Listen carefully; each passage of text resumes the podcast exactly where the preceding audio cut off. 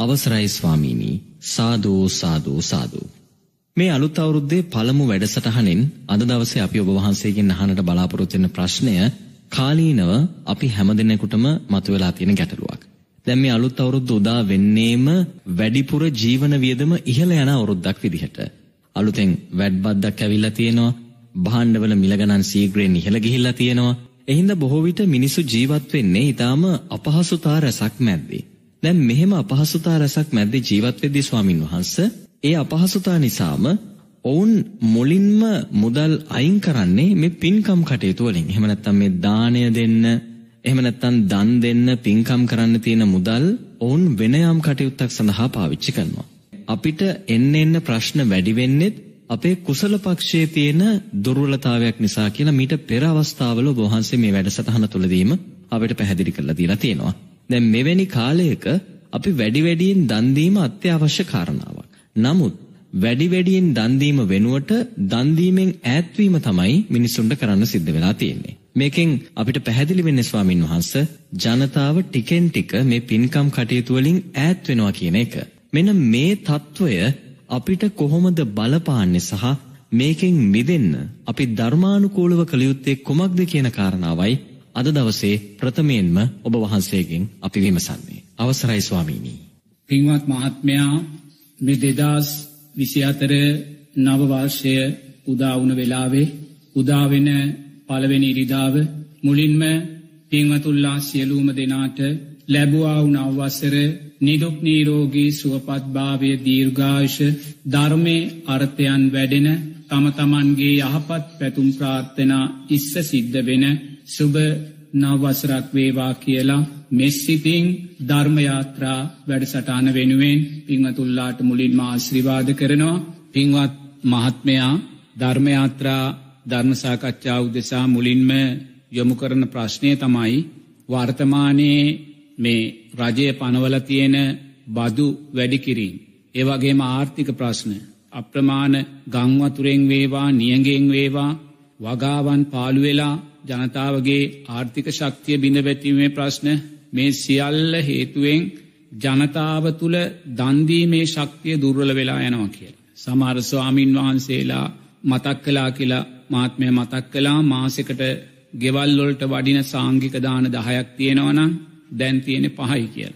මොක දෙවෙනි තත්ත්වයක් සිද්ධ වෙන්නේ පින්වත් ජනතාවට දන්දීමේ ශක්තියක් දුර්වල වෙලා තිබෙනවා. මහත්‍යයෝ මේ ප්‍රශ්නය මුළු සමාජෙම වෙලාගත්ත ප්‍රශ්නයක්. බුදුරජාණන් වහන්සේ බොම පැහැදිලිව කියනවා අකුසල් සංස්කාරයන් විපාක දෙන්නේ තව තව තව තව අපිව අකුසලය කරා අරංයන්නමයි කියලා. එනිසා අපිට රටදිහැ බැලුවාම දැම්මේ මාසේ අපි ඇව්ව දෙයක් තමයි බදු වැඩිකිරීම නිසා අප්‍රමාණ ජනතාවගේ අත්‍යවශ්‍ය බ්‍රාණ්ඩවල ආහාරවල පොහොරටිකේ මනුස්්‍යයා කුෂිකර්මයක් කාන්තයට යෙදෙන පොහොරටිකේ පවා මිලහුඟක් ඉහළගියායි කියන කාරණය.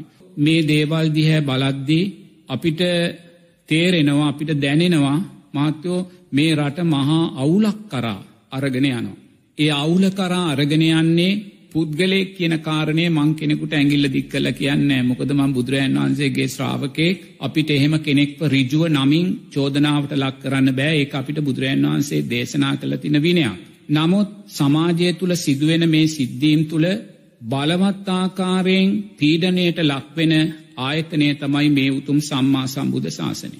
මොකද මං පසුගිය මාසේ වැඩ සිටිය ආරන්න එක ඒ ආරන්නේ වාර්ෂික දාන පූජා කරන ආරණ්‍ය පින්වතුල්ලා ඇවිල්ල නැවතිලා දානෙ පූජා කළ පහුදා තමයි යන්නේ. නමුත් ඒ මංහිටිය කාලය තුළ දින දෙකක් නොදන්වාම දාන පිරිසාවේ නැහැ. තැන් අපි කියමකෝ දානෙ නොදනය ඉන්නවා. එතෝටේ වාර්ෂික දාන තියෙනවනම් ඒකොල්ලන්ට එන්න බැරි හේතුවක් තියෙනවන ඒ අය තමන්ගේ දානයට පෙරාතුව ඒක දැනුම් දෙනවා එහෙමත් නැත්තම් මුදල් ලෙවනවා. නමුත් මේ කාරණා දෙකටම යන්න ඇතුව දැනුන්දීමක් කරන්නෙත් නෑ එන්නෑ කියලා මුදල් එවන්නෙත් නෑ දාන දෙකක් නොදන්වාම නැවතුනා. එතොට එහෙම නොදන්වා නැවතුනා කියල ස්වාමීන් වහන්සේලා බඩගින්නේ ඉන්න නැහැ. කප්පිය කුටියේ වියලි ආහාර තියෙනවා කැපකරුවෙක් ඉන්නවා ඒ කැපකරුවා දානි සූදානම් කළ දෙනවා. නමුත් මං මෙතනද කියන්න උත්සාහ කළේ ඒ පින්වතුල්ලා දීන දෙකක මට මතකයි නොදන්වාම දානය අරංආාවිනෑ. එතො දැන් අපි එතනදි බලන්න ඕනේ ගිහිපින්වතුල්ලාත් මේක බෝම නුවනින් තේරුම් ගන්න ඕනේ රටේ බලපවත්වන මේ බලවත් ආර්ථික ප්‍රශ්නවලට ඔබලා වගකියයුතු නැහැ. තෙන ඔබලා කරපු විනාසයක් නෙමේ මේ රටට මේ විපාක දෙන්නේ. එනිසා අනුංකරපු ප්‍රශ්නයන් නිසා ඔබ පීඩාවට පත්වෙද්දී ඔබ දක්ෂ වෙන්න ඕනේ ඒ පීඩාව තුළින් තව අකුසල් කරා නොයන්. එතොට බලන්න නොදන්වා දානයට ආවෙනැත්තං. පෙර දැනුන්දීමක් කරන්නෙත් නෑ ඊට අදාළ වියලි ආහාරෙවලත් නෑ මුදල්යොමු කරලත් නෑ නමුත් ඇත්තට මේ අයට දාන දෙන්න ශක්තියකුත් නැහැ. මොකොදේ දාන පිරිස් බෝම ඈත ගම්මුලාය මම දන්නවා හොදට මේ ගම්මුලාය පසුගිය කන්න දෙකක්ම ගංවතුරෙන් එක කන්නයක් පීඩාවට පත් වනා නියගෙන් තව කන්නයක් පීඩාවට පත් වනා. එතොට එනම් බරපතල ආර්ථික ප්‍රශ්නය දරුව ඒ අයට තියෙනවා. එතොට ඒ ප්‍රශ්න අපි දකිනවා. නමුත් ඒ ප්‍රශ්න දකිද්දී ඒ පින්වත් ජනතාව තේරුම් ගන්න ඕනේ මොනම හේතුවක්වත් ඒ ප්‍රශ්න ඉදිරියේ තව තව ප්‍රශ්න ඇති නොකරගන්න. දැන් එහෙම නොදන්වා දානය දීමෙන් වැලකුණොත් ඉං සිදුවෙන් වූ අකුසලේ එසේ මෙසේ අකුසලයක් ඒක හොඳට තේරුම් ගන්න. මොකද ඒකයිම මුලින්මැකුවේ අකුසල් විපාක දෙන තව තව අකුසල් කරාපිව අරංයන්. මොකදර ලෝසක මහරහතන් වහන්සේ උතුම් රහත් පලයට පත් වනා. ලෝසක මහරහතන් වහන්සේ රහත් පලයට පත් වනත් උන්වහන්සේට කවදක්වත් කුස පිරෙන්න ආහාරයක් ලැබුණේ නෑ. ඒක සුන්දර ධර්මයක් එතන තියෙන්නේ. ඇයි රහත් පලයට පත්වෙලත් කුස පිරෙන් ආහාරයක් කුසට ආහාරයක් ලැබුණ නැත්තේ. පෙර සංසාරයේ රහතන් වහන්සේ නමකගේ දානය වැලක්වා. රහතන් වහන්සේ නමකගේ දානය වැලක්වීමේ අකුසල් සංස්කාර නිසා මේ ජීවිතේ උතුම් රහත් පලයට පත් වන ආත්ම භාවේත් නිරාහාරෝ තමයි අපවත් වෙන දවස දක්වා ජීවත් වෙන්න උනේ නමුත් අපවත් වෙන දවස සාරිපුත්ත මහරහතන් වහන්සේ කුසපිරෙන්න්න චතුමදුර වලඳ වනෝ. නමුත් බලන්න ඒසා බලවත් රහත් වෙන ආත්ම භාවත් එවැනි බලවත් අකුසලයක් විපාකෙටාවේ සංසාරයේ සංඝයාට රහතන් වහන්සේ නමකුට දානය අහිමි කිරීමේ වැලක්වීමේ සහ දායකින් පොළඹවා දානය වැලක්වීමේ හේතු මත. ඉත එහෙමනං අපේ ගිහි පින්වතුල්ලා තේරුම් ගන්න ඕනේ සමාජයේ තින ආර්ථික ප්‍රශ්න ඔබලා නිර්මාණය කරපු දෙයක් නෙමේ ඔබලා වග කියයුතු නැහැ. නමුත් ඔබලා දක්ෂවෙන්න ඔබලා භාරගත්ත වාර්ෂික දානයක් තියෙනවනම් මාසික දානයක් තියෙනවනම් සලාක දානයක් තියෙනවනම් මොන ආර්ථික ප්‍රශ්න තිබුණත් කරුණා කරලා ඔබලා ඒ දානය වලක්වලා දැනුන්දීමකින් තොරව වලක්වලා බලවත් අකුසල්නං සිද්ධ කරගන්න එපා. එනිසා ඔබලාට දන් දෙන්න බැරිකමක් තියෙනවනම් එහෙම බැහැයි කියලා ඇත්තටම කියන එක මංහිතන්නෑ සාධාරණය කියලා මොකොද කාට දානයක් තිබ්බත් වර්තමානයේ පුළුවන් කණ්ඩායම් හවුල් කරගෙන පොදු දානයක් ඇටියට ඒ දානය පූජා කරන්න. එතකොට ඒක ආනිසංස පක්ෂයක් වැඩි වෙනවා. එනිසා අපි දක්ෂ වෙන්න ඕනේ අකුසල් විපාකයට එද්දී ඒ අකුසල්වොල්ට අපි යටවෙන් නැතුව ඒ අකුසලය පෙරලා නැගි හිටින්න. ඒ අකුසලේ යටපත් කරගෙන අපි නැගී හිටින්න. එතර ඔබට දානය දෙන්න ශක්තියක් නැත්තං.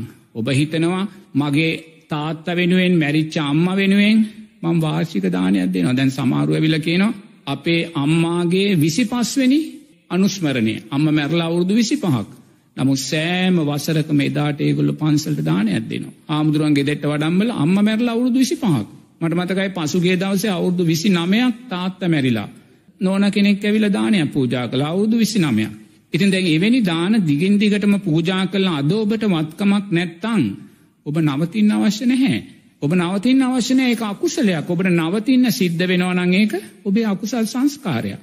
ඔබේ විතරන්න මේ මැරිච්ච තාත් අපින් බලාපොරොත්තු ඉන්න නගේ මැරිච්ච තාත්තගෙත් අකුසල් සංස්කාරය. ඒ අදාළ පටිච්ච සම්පන්න ජීවිතේ. එතනදී ඔබ දක්ෂ වෙන්න. අකුසලය විසින් ඔබට අවස්ථාව අහිමි කරද්දී. ඔබේ අකුසලේ යටපත් කරගෙන නැග හිටින. ඒ අකුසලේ යටපත් කරගෙන නැගේ හිටිනෙ කොහොමද මෙච්චර දවසක් ඔබ තනියමයියේ දානි දුන්නේ නෑ මම මේ පාර හවුලෙ දන් දෙනවා. මන් දහ දෙනෙක් එකතු කරගන්නවා. මං පාලුස් දෙනෙක් එකතු කරගන්න. මං හවුලේ දානයක් දීලා හවුලේ දානේ තියෙනර ශේෂ්ඨ ආනිසංස පක්ෂයක් ජීවිතයට එතුකර ගන්න. ඒ වගේම ගෞරවනිය මහා සංගරත්නයට වෙනදට වඩා පිරී ඉතිරීගිය දානයක් දෙනවා. එනිසා මොන අකුසලයක් විපාකිටාවත් බුදුරජාණන් වහන්සේට කීකරුණං මේ උතුම් ධර්මයට කීකරුණං උතුන් සම්මා දිට්්‍යයට කීකරුණං කවදක්වත් ඔබට ඒ දානය වලක් වෙන දිසාවට ඔබ අරංයන්නේ නැහැ. එනිසා පින්වත් ජනතාව දක්ෂවෙන්න තව තව බලවත් අකුසල් විපාකටෙන මොහොතකයි අපි ජීවත්වෙන මේ උදා වූ වසර. ඇත වශයෙන්ම බලවත් ආර්ථික ප්‍රශ්න ගොඩක් එක්ක උදාවෙන වසරක්. එකට බුදුරජන් වහන්සේගේ ශ්‍රාවකය කැටියට ඇගිල්ල දික්කල අපි කාටවත් චෝදනා කරන්න එකට අප චෝදනා කරන අවිද්‍යාවටයි. ඒ නිසා ඔබ දක්ෂ වෙන්න මොනම හේතුවක්වත් සමාජගත වෙන බලවත් ආර්ථික අපහසුතාවයන් ඉදිරියේ ඔබ අකුසලේ කරායන්න එපා. ඔබ අලුත් ක්‍රමවේදයන් ඔස්සේ ඔබ දක්ෂ වෙන්න ඒ අකුසල් යටපත් කරගෙන වෙනදාට වඩා කුසලේ තුළ ශක්තිමත් වෙන්. ම මුලින්ම මතක් කලා අපිටත් හිතාගන්න බැරි අමුතු ගමනක් අපේ රට යනවා. අමුතු ගමනක්. ද අපිට පේනවා රටේ සටේ ජනතාව අපිට ඇවිල්ල කියනවා දායක පක්ෂය ඇවිල්ල කියනවා අපිට ඇහෙනවා මේ වසර මැතිවරණ වසරක් කියලා. කුමක්කෝ මැතිවරණ තියෙන වසරක් කියලා. ඉතින් බලන්න මේ වසර මැතිවරණ වසරක් නං දැම් මේ මොහොතේ රට පාලනය කරන ගෞරු ගෞරුවනිය පාලකතුමා මොලේ නැති කෙනෙක් නෙමේ. අත්දැකීම් නැති කෙනෙක් නෙමේ තේන්න. ඒනම් මේ වසරේ මේ විදිය මැතිවරණ වසරක් නං. වසර පටන් ගනිත්දිම ජනතාව ඉදිරියට මේසා බලවත් පීඩනයක් එල්ල කරන්නේ පිංහතුනේ ඒ ඇතුළේ බලවත් කුමන්තනකාරී ක්‍රියාවක් සිද්ධ වෙන්න පුළුවන් එක හොඳින් තේරුම් ගන්න. මොකද ඉන්න ගෞරුවනිය පාලකතුමා මෝඩ පාලකතුමෙක් දුරුවල පාලකතුමෙක් බලයට කෑදර නැති පාලකතුබෙක් නෙමේ. ඒක තේරුම් ගන්නවා. එහනම් මේ වගේ මැතිවරණ වර්ෂකදී මේ වගේ බලවත් ජනතා පීඩනයට පත් කරන ආරම්භයක් වසරේදී ඇතිකරගත්ත මහත්තයෝ මොකක්කෝ බලවත් කුමන්තනකාරී අභ්‍යන්තරයක් මේක තුළ තියෙන්න පුළුව. එක්කෝ ජනතාව තුළ බලවත් පීඩනයක් ඇති කරලා ඒ පීඩනයක් තුළ රටේ බලවත් අර්බුදකාරියත් කර නොසන්සුන්තාවයන් නැති කරලා ඒ නොසන්සුන්තාවයන් තුළින් ඒගොල්ලන්ගේ අරමුණු ඉටු කර ගැනීමේ මොකක්කෝ පිටි පස්සෙ තියෙන්න පුළුව. එහෙමත් නැත්තාම්. කුමක්කෝ විදේශීය බලවේකගේ වුවමනාවකට රට අරාචික භාවකට පත් කරන්න ගිහිල්ලා මේ ප්‍රධාන දේශපාලන පක්ෂ බලයෙන් අයින් කරලා ඒගොල්ලන්ගේ අරමුණු ඉටු කරන අන්තවාදී කණ්ඩායම් බලයට ගැනීමේ යම් යටි උපක්‍රමයක් තියෙන්න පුළුව. එනිසා මේ වගේ වසරක් ආරම්භ වෙන වෙලාවේ මේ වගේ බලවත් ආර්ථික අහේනියකට අවුණු වශයෙන් පොහොරටික පවා රටේ කුෂිකර්මය බිඳ වැටිල තියෙනවා. ජනතාවට අවශ්‍ය එලවලු ටික පලතුරු ටික ඒවයි මිල හොඳටම ඉහළ ගිල්ල තියෙනවා. ඒ සියල්ල ඒ ආකාරයෙන් කඩා වැටෙද්දී පෙනි පෙනි පොහොරටිකටත් මේක මේ බදු වැඩි කල්ල තියෙන මාත්‍යයෝ මේක ඇතුළි නම් බලවත් කුමන්තනයක්. එනිසා ජනතාව දක්ෂවීතුයි මේ කුමන්තනකාරී දේවල් මෙම අවිද්‍යාවේ මුල් තුෂ්නාවේ බලවත්භාවය අපිකුවා මාරාවේශයට පත් වූ දේශපාලනයක් අපේ රටේ තියෙන්නේ තුෂ්නාවෙන් මාරාවේශයට පත් වූ දේශපාලනයක් එතෝට මේ තුෂ්නාවේ මාරාවේශයට පත් වූ දේශපාලනය තුළ ගන්නා වූ සෑම තීරණ තීන්දුවකම ගැඹුරු යටි අදහසක් සැඟවිලා තියෙන. එනිසා මන් නැවතත් මේ උතුම් ධර්මයාත්‍රා වැඩ සටානෙන් එක මතක් කරනවා. එනිසා මෙවැනි බදු වැඩි කිරීමක් මේ මැතිවරණ වර්ෂයක් ආරම්භෙදිම මේක සිද්ධ කරන්නේ පිංහතුනේ බලවත් කැළඹිලිකාරී ස්භාවකට එක්ක සමාජය අරංගිහිල්ලා ඒ තුළින් ඒ අයගේ දේශපාලන වාසි ලබාගන්න වෙන්න පුළුවන් එහෙම නැත්තම් යම් විදේශීය බලවේගයක් විදේශය තානාපතිකාරයාලයක් පොළඹවලා රට තුළ බලවත් අන්තවාදී ආණ්ඩුවක් කරා යාමට අදාළ පරිසරය සකස් කරල මේ ප්‍රධාන දේශපාලන ප්‍රවාහයන් කෙරේ ජනතාවගේ ප්‍රසාදය බින්දවලා ඒ අයගේ රූකඩයක් බවට පත්වෙන දේශපාලනයක් මතු කර ගැනීමේ ජවනිකාවක් වෙන්නත් පුළුවන් අර පසුගිය අරගලකාරයේ පැවති වාය උදර තේරුම්ගනේ අරගලකාවේ පසුගිය අරගලය කියලා සට තුළ ක්‍රියාත්මකන ක්‍රියාත්මක භාවය තුළ පිටිපස්සේටිය ජාතයන්තර නෝනා කෞුද කියන කාරණය හැමෝම දන්න. එහ නෝනාදත් සක්‍රියවන්නවා. එනිසා මේ ආර්ථික අර්බුදය මතු කරලා තියන මේ ආර්ථික අර්බුදය බොහම යටි අරමුණක් තුළයි මතු වෙලා තියෙන්නේ එනිසා ජනතාව දක්ෂවීතුයි. මේ ඔබේ රට මේ ඔබේ ජාතිය මේ ඔබේ දේශපාලනය මේ ඔබේ අනාගත පරපුර ජීවත්වෙන මාතෘභූමිය එනිසා ඔබේ දයාබර අම්මල තාත්තල ජීවිත පරිත්‍යයාගෙන් ඔබට අයිති කරල දුන්න මාතෘභූමිය එනිසා ඔබ දක්ෂ වියයුතුයි කොයි ආකාරයෙන් මේ දේශපාලන මාරාවේශය තුෂ්නාවේ දේශපාලන මාරාවේශය ක්‍රියාත්මක වුණත් ඔබ බුද්ධිමත් වෙන්න. ඔබ බුද්ධිමත් වෙන්න. ඔබ බුද්ධිමත් වෙන්න නං බුදුරජාණන් වහන්සේ සුන්දර මාර්ග දේශනා කල්ල තියෙනවා කොතනකවත් අපිට වර්දින්න හේතුවක් නෑ අපි මේ සෑම දෙයක්ම වරද්ද ගන්නේ. අපි බුදුරජාණන් වහන්සේට කීකරු නැති නිසා. ඒ හොඳින් තේරුම් ගන්න. අපි බුදුරජාණන් වහන්සේට අකීකරු නිසාම අපි සෑම තැනකදිම අපිට තියෙන සෑම අවස්ථාවක්ම අපි අහිමි කරගන්න.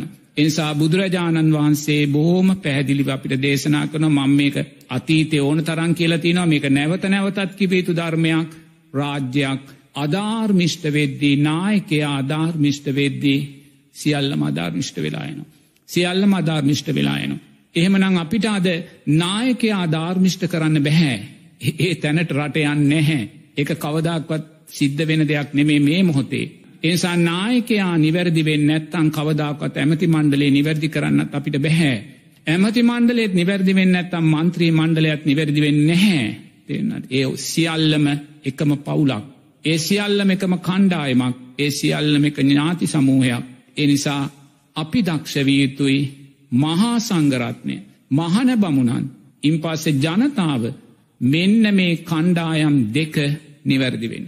වෙන කරන්න දෙයන්න මෙන දැන් බුදුරජාණන් වහන්සේ නිවැරදි කරන්න කිව්ව පාරය අපිට නිවැරදි කරගන්න බෑ. ඒ තරමටම සමාජය අකුසලේ ගොහොරුවට බැහැලයින්නේ. අකුසලේ කිඳා බැහැලයින්නේ. වර තුළ කිඳා බැහැලයින්නේ. එනිසා අපිට නායකත්වය ඇමති මණ්ඩලේ මන්ත්‍රී මණ්ඩලේ මේක වෙනස් කරන්න බෑමකොද ඒ එකම කණ්ඩායමක් එකම ඥාතිය බවට පත්වෙලයිතින්.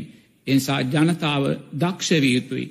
නායකයා වෙනස් වෙන් නැත්තං ඇමති මණ්ඩලය නිවැරදිවෙන් නැත්තම් මන්ත්‍රී මණ්ඩලේ නිවැරදිවෙන් නැත්තං ඊළඟට ඉන්නේ මහන බමුණන් සහ ජනතාව. එනිසා මේ මොහොතේ අපිට කියන්න තියෙන්නේ කරුණා කරලා මහන බමුණන්. එකැන මේ මහා සංගරත්නය අන්‍ය ජාතික අන්‍ය ආගමික ඒ පූජකතුමල්ලා. තමන්ගේ ශාස්තුන් ධර්මයන්ට අදාළව ක්‍රියාත්මක වෙන්න. දැන් අපේ ශාස්තුන් වහන්සේ බෞද්ධයාගේ ශාස්තුන් වහන්සේ ලෝතුරා බුදුරජාණන් වහන්සේ. උන්වහන්සේ දේශනා කරනවා ඔබට නිවැරදි වෙන්න නං මාර්ගය තම යාරශ්වාංගික මාර්ගය. එච්චරයි.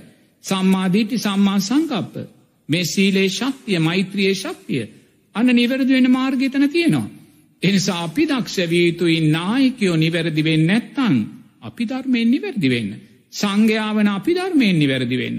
සංඝයාවෙන අපි නිවැරදි වෙනවා වගේ මනින් අන්න පූජකතුමල්ලා තමන්ගේ ශාස්තෘ ධර්මයන්ට අදාළව නිරදිවෙන්.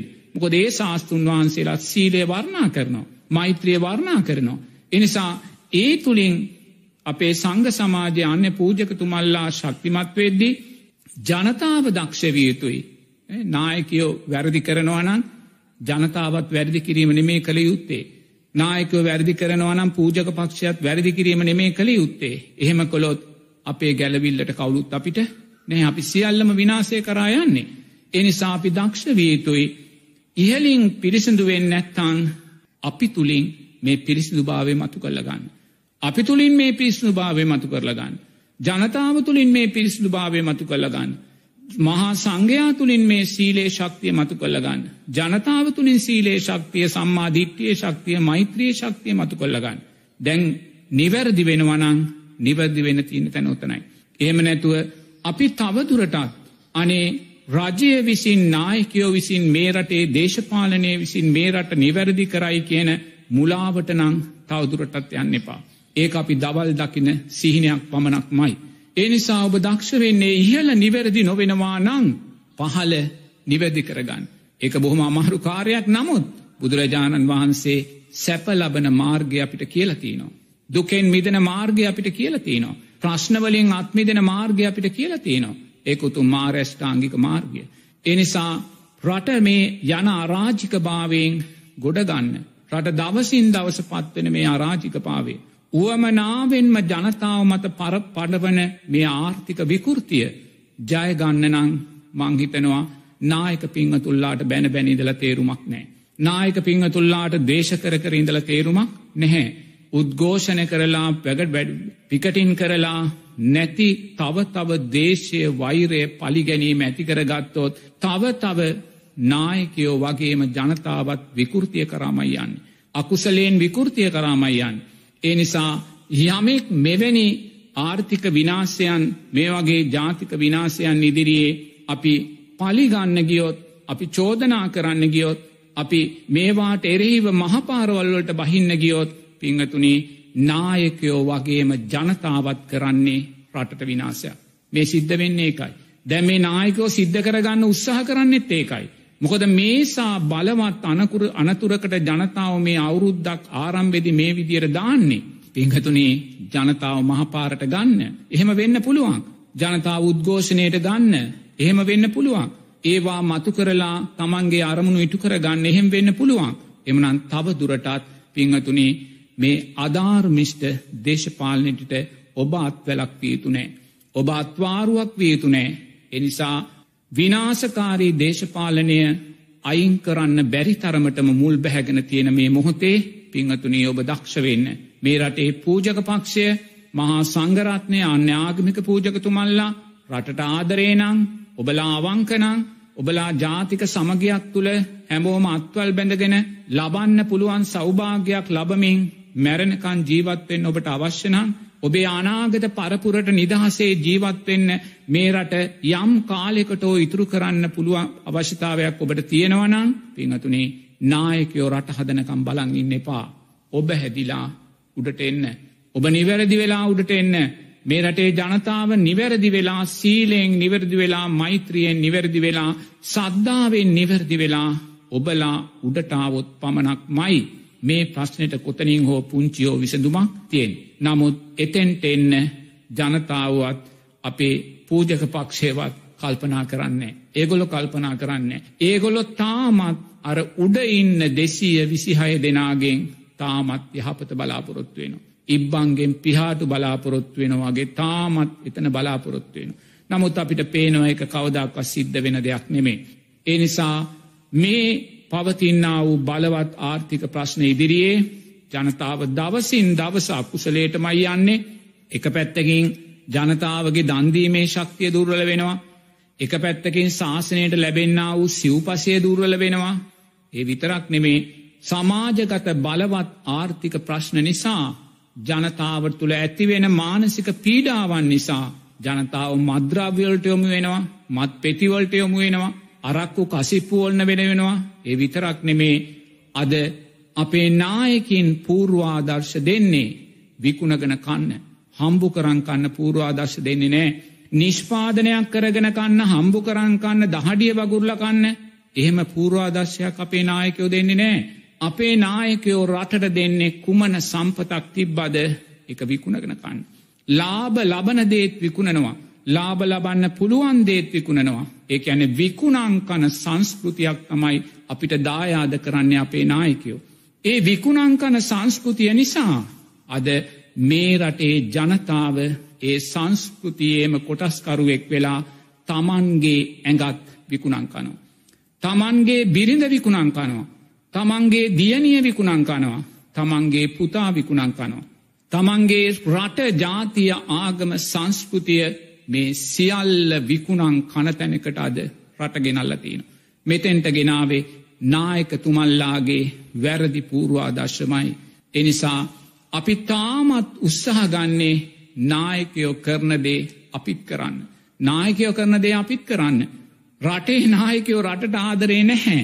රටට ආදරයක් තියෙන නායකෙක් මටනම් පේන්න ඇත්තමං කියන්නේ. දේශපාලනකින් නෙමේ දේශපාලන ඇහැකින් බැහල් නෙමේ මං කියන්නේ. නමුත් එහෙම නායකෙක් හිටවතන ඉන්නවනං අනේ මං සුවපත් වේවා කෙලයාට ගරු කරනවා. යට ආසිරිවාද කරනවා. ගැන කොතනකොවත් පෞද්ගලික තරහක් පෞද්ගලික පලිගැනීමක් පෞද්ගලික චෝදනාවක් නෙමේ. නමුත් අපිට එහෙම දෙයක් පේන්නේ නැහැ. අපිට එහෙම දෙයක් පෙහෙන්නේ. මොන ශේෂත්‍රය ගත්තත් මොන ඇමතිකම ගත්තත් අපි දකින්නේ සමාජයට කරන පලිගැනීමක්මයි. සමාජයට කන පලිගැනීමක්මයි. දැන් සෞඛ්‍ය කියන අමාත්‍යංශ ගන්න අධ්‍යාපනය කියන අමාත්‍යංශ ගන්න පරිසරය කියන අමාත්‍යංශ ගන්න මොකක්ද කරන්නේ. පලිගන්නවා. පාසල් දරුවගෙන් පලිගන්නවා නිදහස් අධ්‍යාපනය විනාස කළ දරුවගෙන් පලිගන්නවා. නිදා සෞඛ්‍ය විනාස කල්ලා අහිංසක රෝගීන්ගෙන් පලිගන්නවා. මේ රටේ සදාචාරය සංස්කෘතිය විනාස කල්ලා ජනතාවගෙන් පලිගන්නවා. පුතේ එවැනි දේශපාලනයක් අද තියෙන්නේ. එවැනි දේශපාලනය මන් දන්නේ මට සමහරලාට මට හිතෙනවා. අනේ මේ ඉන්න දේශපාලක්න මහත්තුරු අර පසුගිය දවස්වල අරගලේ තමන්ගේ දේපල තමන්ගේ නිවාස පුච්චල දැමීමේ පලිය ජනතාවගෙන් ගන්නවා කියලා නේද ගන්නවා නේද කියලා හිතුන අවස්ථා මට තියෙනවා. අනේ එහෙම නෙවේනං මන් දහස්වාරයක් සමාවිල්ලනවා මේක චෝදනාවක් නෙමේ ඔබලා එසේ පලිගන්නවා නං ඔබලා කෙරේ අනුකම්පාවෙනුයි බුදුරජන් වහන්සේගේ ශ්‍රාවකයෙක් හැටියට මම මේ කියන්න. ඔබලා කෙරෙයි මෛත්‍රියනුයි මේ කාරණය කියන්න. උද හොඳටම පැහැදිලිව පේනවා මේ රටේ විශේෂයෙන්ම අධ්‍යාපන සෞඛ්‍ය මේ ශේෂ්ත්‍රදිහැ බලද්දි ජනතාවගෙන් පලිගන්නවමයි කියලා. ජනතාවගෙන් පලිගන්න මේක නිවැරදි කරන්න ගොඩදාන්න නෙමේ හදන්න විනාසය කලා මරංයන්. විනාසය කරා මරංයන් තියෙන දේවල් විකුණකනමකන්න. දැන් සමහත් මහත් එක් ඇවිල කියෙන සාමීන්වහන්ස මේ ආයතනය හරි නායකෙක්ගෙන් අවුරුද්දෙන් ගොඩදාන්න පුළුවන්. නමුත් ඒකට ආයුජෝකය හොයනවා. හරි මනුස්සෙක් දාල ඒක ගොඩගන්නේ නැහැ. යම් ආයතනයක් ලාභ ලබනවා නං පුතේ අපේ දේශපාලක්ඥයන්ට ඒක දකින්න කැමති නැහැ. ඒක දකින්න කැමති නැහැ. මොකක්කෝක් දෙයක් කරලාර ලාබ ලබන්ට හේතුන නායකය අයතනින් අයින් කරලා ඒක පාඩු කරනවා. මොනවද මේ පලිගන්නවා. ඇයි පලිගන්නේ. ද ඔබලා මේ කාගෙන්ද පලිගන්නේ. සමස්ත කෝටි දෙකෝටි හතලිස් ලක්ෂයක් ජනතාවගෙන් ඔබල පලිගන්නවා. අනාගත පරපුරෙන් ඔබල පලිගන්නවා. මේ රටේ අතීතයේ මුතුන් මිත්ව මේ ආරක්ෂා කරලා දීපු මේ සංස්කෘතිය සදාචාරය අපේකම මේ ජාතියේ එකමුතුව ජාතියේ සමගිය පුතේ මේවා විනාස කරමින් මහා අකුසල් කන්දක් කර ගන්න. එනිසා ඔබලාට මේ විනාසයන් තේරෙන් නැත්තං තේරුම් ගන්නයි මේක කියන්න එහෙමනැතුව කිසිම චෝදනාවක් මෙතන නැහැ. කිසිම චෝදනාවක් මෙතන නැහැ. එනිසා ඔබලා දක්ෂ වෙන්න. ජනතාව ඔබලාට බලය පවරලා තියෙනවා එක හරි නමුත් ඒ බලය නිවැරදිව යොදවන්න. හමුදාව ඉන්නවා පොලිසිය ඉන්නවා එහෙම කියලා ඔබලා බලය වැරදි ආකාරයට නං යොදන්නේ පිංහතුනේ ඔබලා මරණා සන්න මොහොත්තේ ඔය කිසිම හමුදාවක් ඔබලා ගලෝගන්න පුළුවන්කමක් නෑ. ඔය කිසිම නිල බලයක් ඔබලාට ඔබලාව ගලෝගන්න පුළුවන්කමක් නැහැ.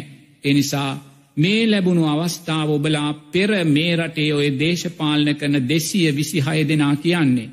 පිත්පුතේ පෙර ජීවිතේ මහා පුුණ්්‍ය ශක්තියක්.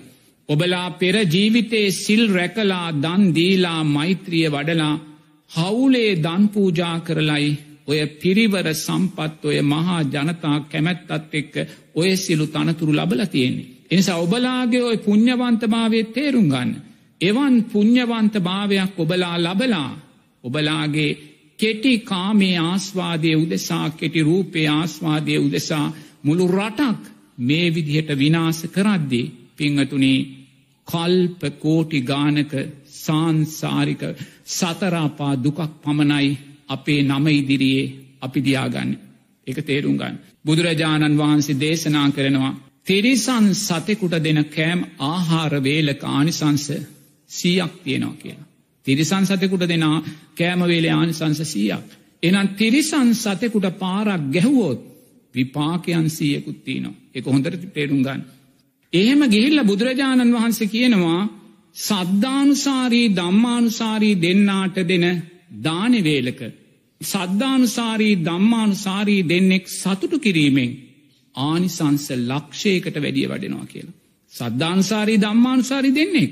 ආනිසංස ලක්ෂකට වැඩී කියනවා. ඒ වගේම මිත්‍යා දෘෂ්ටික සිල්වත් කෙනෙකුට දෙන්නා වූ දානය ආනිසංස්ත දසදහසක් වැඩී කියනවා. එනම් බලන්නකෝ ඔබලා හොඳින් හිතන්න මේ රටේ ගෞරුවනිය දේශපාලන කරන පින්වතුල්ලා හොඳින් හිතන්න.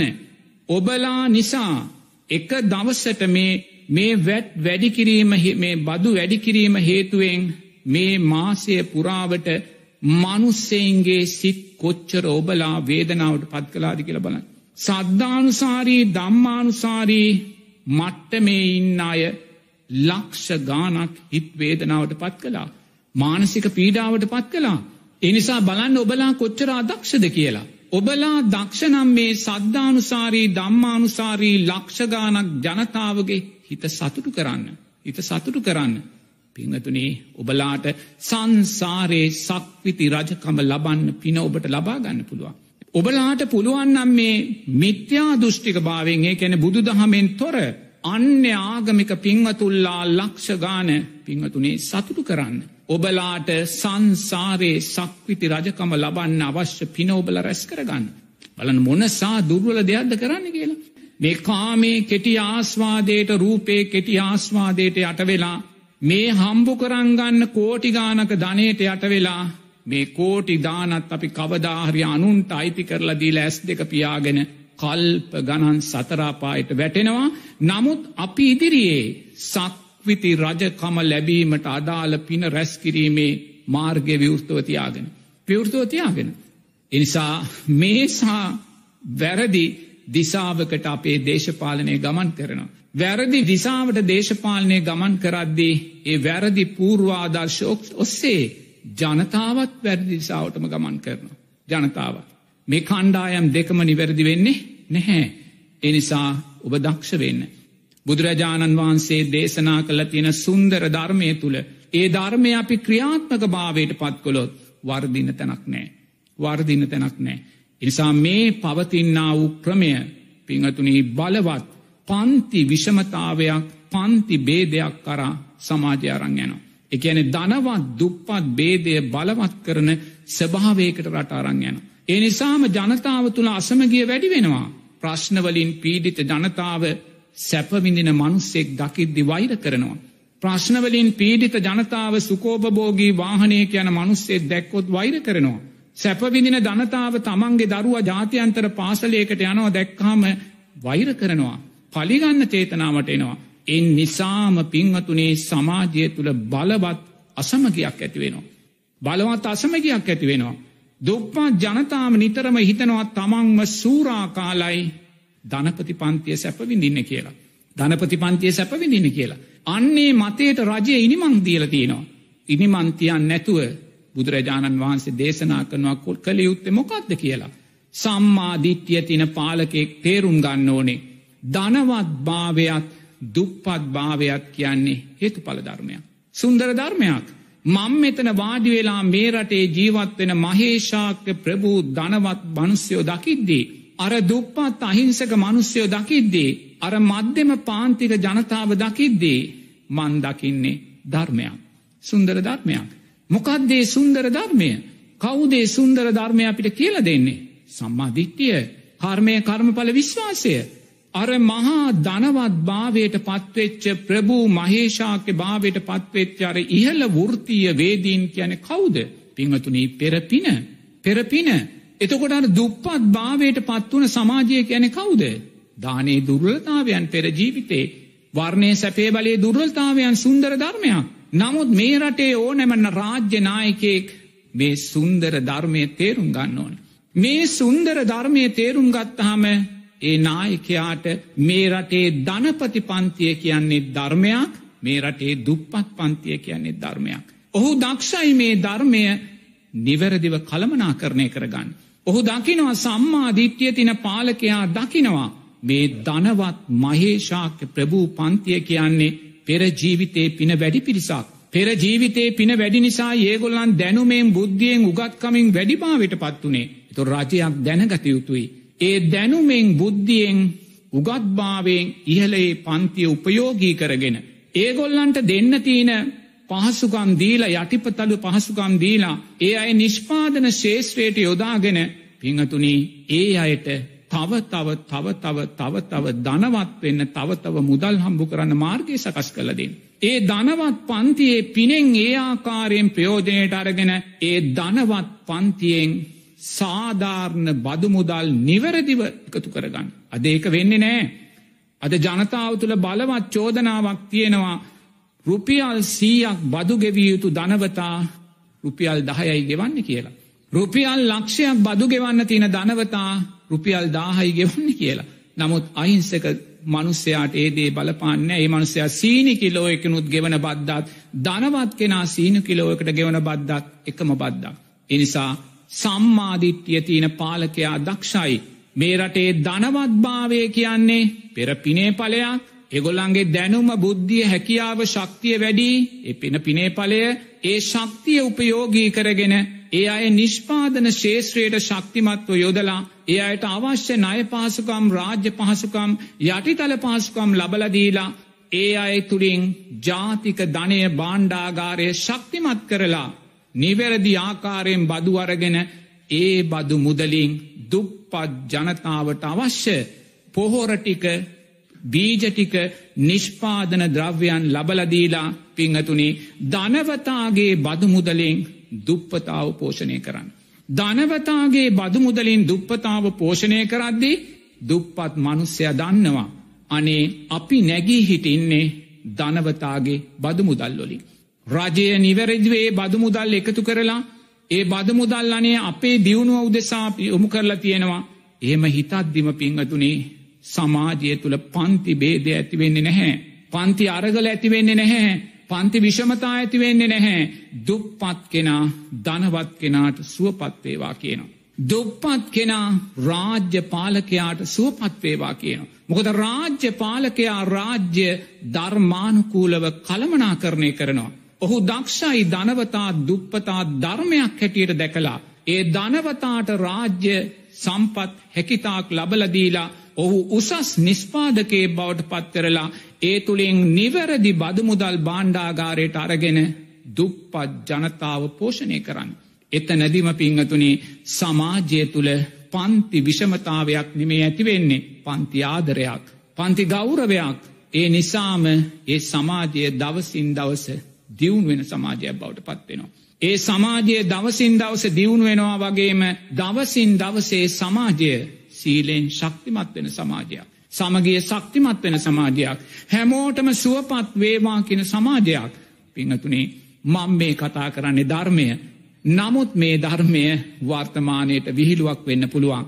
නමුත් ඔබ ඒ ධර්මය විහිළුවක් හැටියට දැක්කත් ඒ විහිළුවක් හැටියට ඔබ දකින්නේ ඔබ තවමත් විහිළු කරන නිසා. එනිසා ඔබ දක්ෂ වෙන්න ධර්මයේ ශක්තිය නිවැරදිව ජීවිතයට ගත්ත භික්ෂුවක් මම ඔබට මේ කතා කරන්නේ. එනිසා අත්දැකීම් තුළනුයි භික්ෂුව කතා කරන්නේ පොත්බල්ල නෙමේ පොත්බල්ල නෙමේ අත්දැකීම් තුළින් සැප ලැබීමේ එකම මාර්ගය නිවන ලැබීමේ එකම මාර්ගය ආර්යෂ්ඨාංගික මාර්ගයේ ශක්තියෙන් අත්දැකීම් තුළනුයි භික්ෂුව මේ කතා කරන්නේ එනිසා මේ දේවල් වර්තමානයේ සම්මාධිට්්‍යය හිඟ සමාජයට විහිළුවක් වුණත් වර්තමානය සමාජය නිවැරදි කරන්න නං ඔය විහිළුව අපි සමාජයට එකතු කරගත යුතුමයි කියන කාරණය මේ සුන්දර උදෑසන හැමෝටම සීපත් කරනවා. අවසරයි ස්වාමින් වහන්ස වැඩසටහන අවසන් කරන්නට මත්තෙන් ඔබ සියලු දෙනා වෙනුවෙන් ආශිර්වාද කරන්නට ඔබවහන්සිටමා නමස්කාරපූර්වකව ආරාධනා කරනවා.